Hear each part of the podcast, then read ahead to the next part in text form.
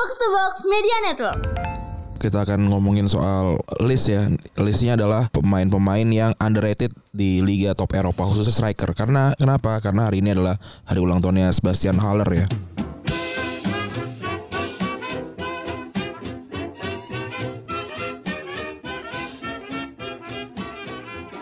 Podcast Retropus episode ke-428 masih bersama double pivot andalan Anda, gue Randy. Dan gue Febri. Oke, hari ini adalah hari Rabu. Kita akan ngomongin soal list ya. Listnya adalah pemain-pemain yang underrated di Liga Top Eropa khususnya striker. Karena kenapa? Karena hari ini adalah hari ulang tahunnya Sebastian Haller ya. Betul. Seorang stri- striker yang dianggap apa ya? Flop di West Ham ya dan gak terlalu bagus di West Ham terus sekarang tiba-tiba kemarin eh, mengejutkan banyak orang karena bisa nyetak 7 gol dari 7 pertandingan Liga Champions ya.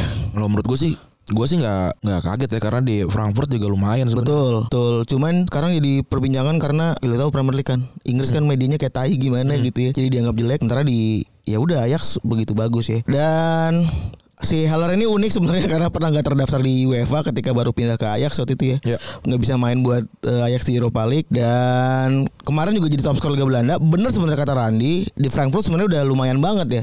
Dan itu jadi salah satu alasan kenapa dia dibeli sama West Ham gitu. Ya. Dan kemarin tuh berada di peringkat 3 nyetak gol terbanyak Liga Champions dengan 11 gol di bawah Benzema sama Lewandowski. Benzema 15, Lewandowski eh, 14. Dia tuh ada di atas Salah, Mbappe, Ronaldo bahkan eh, Darwin Nunes yang ramai dibicarain kemarin. Karena udah dianggap flop dan lain-lain, tentunya eh ya udah dianggapnya sebagai yang underrated tambah lagi kalau kita ngelihat secara kuantitas gitu ya di FIFA 22 ratingnya cuma 22 men eh cuma ratingnya cuma 82 anjir Oke, agak kurang ya. Iya, sebenarnya ngaruh gak sih FIFA nih? Maksud gue ada apa media gunjang ganjing media nih ngaruh gak sih kayaknya? Kayaknya ngaruh ya. Maksudnya? Eh, kayak transfer market juga gitu maksud gue terpengaruh sama kualitatif gitu. Iya pasti, pasti lah. Kalau FIFA ini kan ya sebenarnya kan lebih lebih ke risetnya mereka aja kan. Iya. Gimana gimananya. Nggak nggak sebagai ben- bentuk asli dari sebuah seorang pemain gitu. Ini kan makanya FIFA juga kadang-kadang di tengah musim kan juga update kan karena ternyata bagus di musim itu dan segala macam. Betul, betul. Itu kalau buat yang main main apa namanya? main karir di FIFA tuh bisa berubah tuh sebenarnya Iya. atau main foot di FIFA tuh rating-ratingnya bisa berubah. Siapa lagi sebenarnya pemain underrated di, di Liga Top Eropa?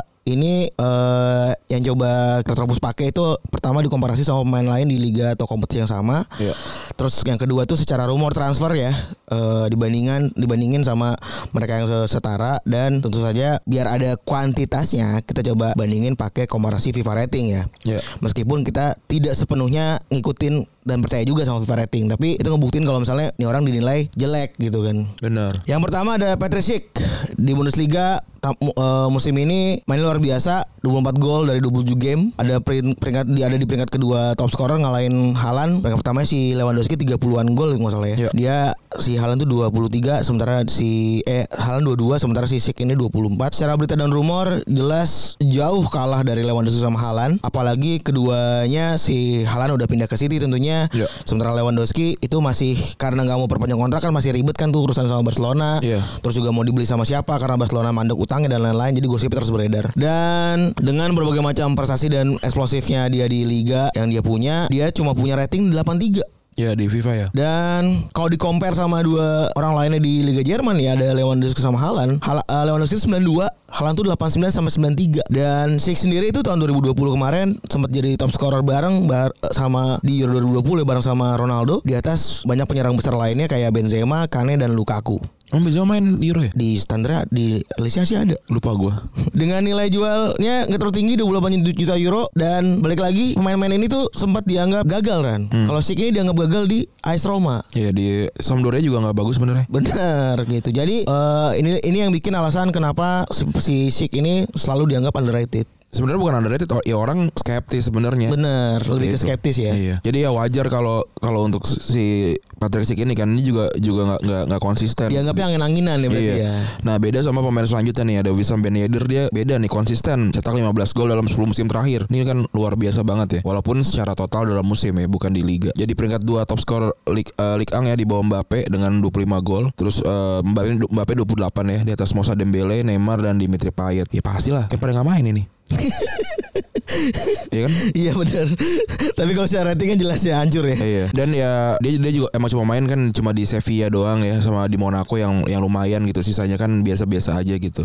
Dan sebelumnya juga dia mainnya futsal justru kan bukan Iya, main, tahun 2010 main, iya. itu. Dia kan baru main buat uh, timnas Prancis tahun 2019 dan enggak dan nggak ikutan Piala Dunia waktu itu ya. Iya. Cuma ikutan uh, Nations League doang gitu. Nah, pertanyaannya uh, ada nggak sih tim yang mau gitu beli Ben Yedder? Nggak ada nih gue ngerasa uh, nggak nggak pernah ada rumor-rumor yang gimana. Terlepas dari umur yang 32 tahun gua rasa dia dia masih luar biasa sih. Dan ini kalau di FIFA walaupun ratingnya jelek tapi dia selalu jadi apa ya namanya ya pemain-pemain yang yang selalu punya keter apa bargain tinggi di FIFA karena Speednya tinggi. kencang banget gitu. Selalu deh ini selalu jadi pemain-pemain yang yang jadi apa pemain murah tapi eh, bisa deliver bagus gitu di FIFA. Dan diandalkan sama banyak pemain FIFA profesional Ren ya. iya benar. Eh, banyak pemain, pemain FIFA profesional terus juga beberapa tips youtuber-youtuber juga bilang kalau misalnya lu di awal tuh beli Ben Yedder tuh gak bakal rugi. iya karena murah dan gampang juga didapetinnya Betul. Terus selanjutnya ada Tammy Abraham lagi angin-anginan sebenarnya kemarin ya karena setelah dari dilepas sama Chelsea apa Arsenal sih dia terakhir Chelsea. kan. Dilepas sama Chelsea, dia dilepas ke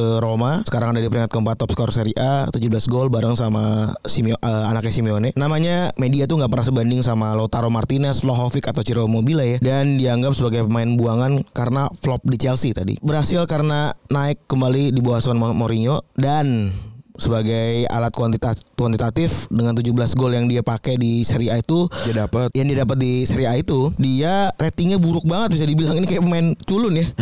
81 anjir. Dibandingin sama Immobile itu 88, Martinez 89, Vlahovic 88 anjir. iya Jauh banget padahal dia di peringkat keempat ya. Iya bener Dan ya kan ini kayak tadi lagi sih sama nih dia memang nggak konsisten sebenarnya. Gue nggak mau bawa dia juga ke Piala Dunia kalau gue jadi pemain pelatih Inggris sih. Karena ya kan secara bentuk juga sama sama Harry Kane tinggi gitu. Sama Harry Kane nih bener. Nggak Secara, punya- secara main juga sama ya. Iya nggak punya pembeda gitu. Sedangkan Harry Kane walaupun sekarang drop tapi kan konsisten sebelumnya gitu. Kalau di Inggris sebenarnya ada dua orang yang arguably underrated ya. Secara eh, secara apa namanya? Secara media itu walaupun exposure tinggi tapi dianggap sebelah mata. Yang pertama tuh Son Heung-min ya.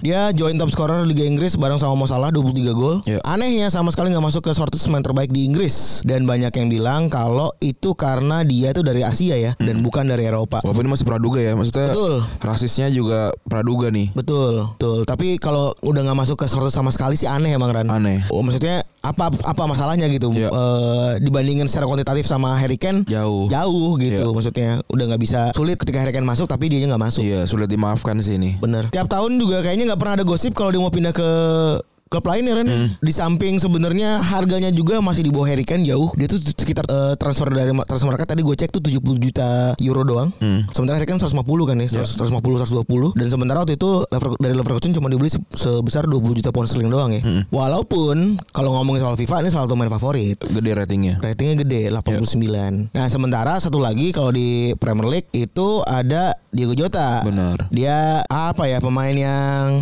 selalu deliver ya Ren ya? Iya. Gua gak tau lu ngeliatnya gimana. Dia kayaknya poacher kan sih. Gua- apa namanya? gua ngeliatnya Finisher kalau- aja kan ya jago jago Kalau dari posisi sih dia kan dari kiri sebenarnya. Tapi ya ini pemain yang teman lo yang kalau main bola tuh nggak nggak diperhatiin karena dianggap nggak jago ternyata golin terus nih, kayak gini nih. Ya kan semua orang sibuk jagain Mane salah mungkin ya yang gue lihat Iya, tiba-tiba Jota masuk kayak gitu-gitu. Dan ya wala- walaupun golnya juga nggak ada yang spektakuler dan segala macam tapi ya ini bikin Liverpool jadi kayak sekarang gitu. Betul. 15 gol cukup konsisten ya buat jadi bagian dari eh, Mane dan Salah Hmm. Eh, dan nyetak 6 assist. Gaya mainnya mungkin yang bikin orang tuh underestimate sama dia ya. Iya. Dibanding Salah sama Mane kan eksplosif banget, bisa lari, bisa eh, di mana-mana gitu ya, bisa punya speed tinggi. Kalau si Jota nih ya udah gitu, seringnya kan nyari positioning aja gitu. Iya, tapi dia lumayan juga sih untuk sebagai penggantinya Bobby Firmino dia sama-sama bisa track back juga sih Betul. gue lihat sih. Jadi oke lah untuk tim kayak Liverpool, tapi untuk tim lu tim lain gue rasa masih belum belum tentu karena kan permainannya. Ini tapi cocok untuk Liverpool. Tapi dengan X dengan X banyak excuse-nya Firmino ya Ren ya. Iya. Gue liat Jota ini malah jauh lebih tinggi kan. Iya. Firmino ini kayak kebanyakan banyak excuse ya gak sih?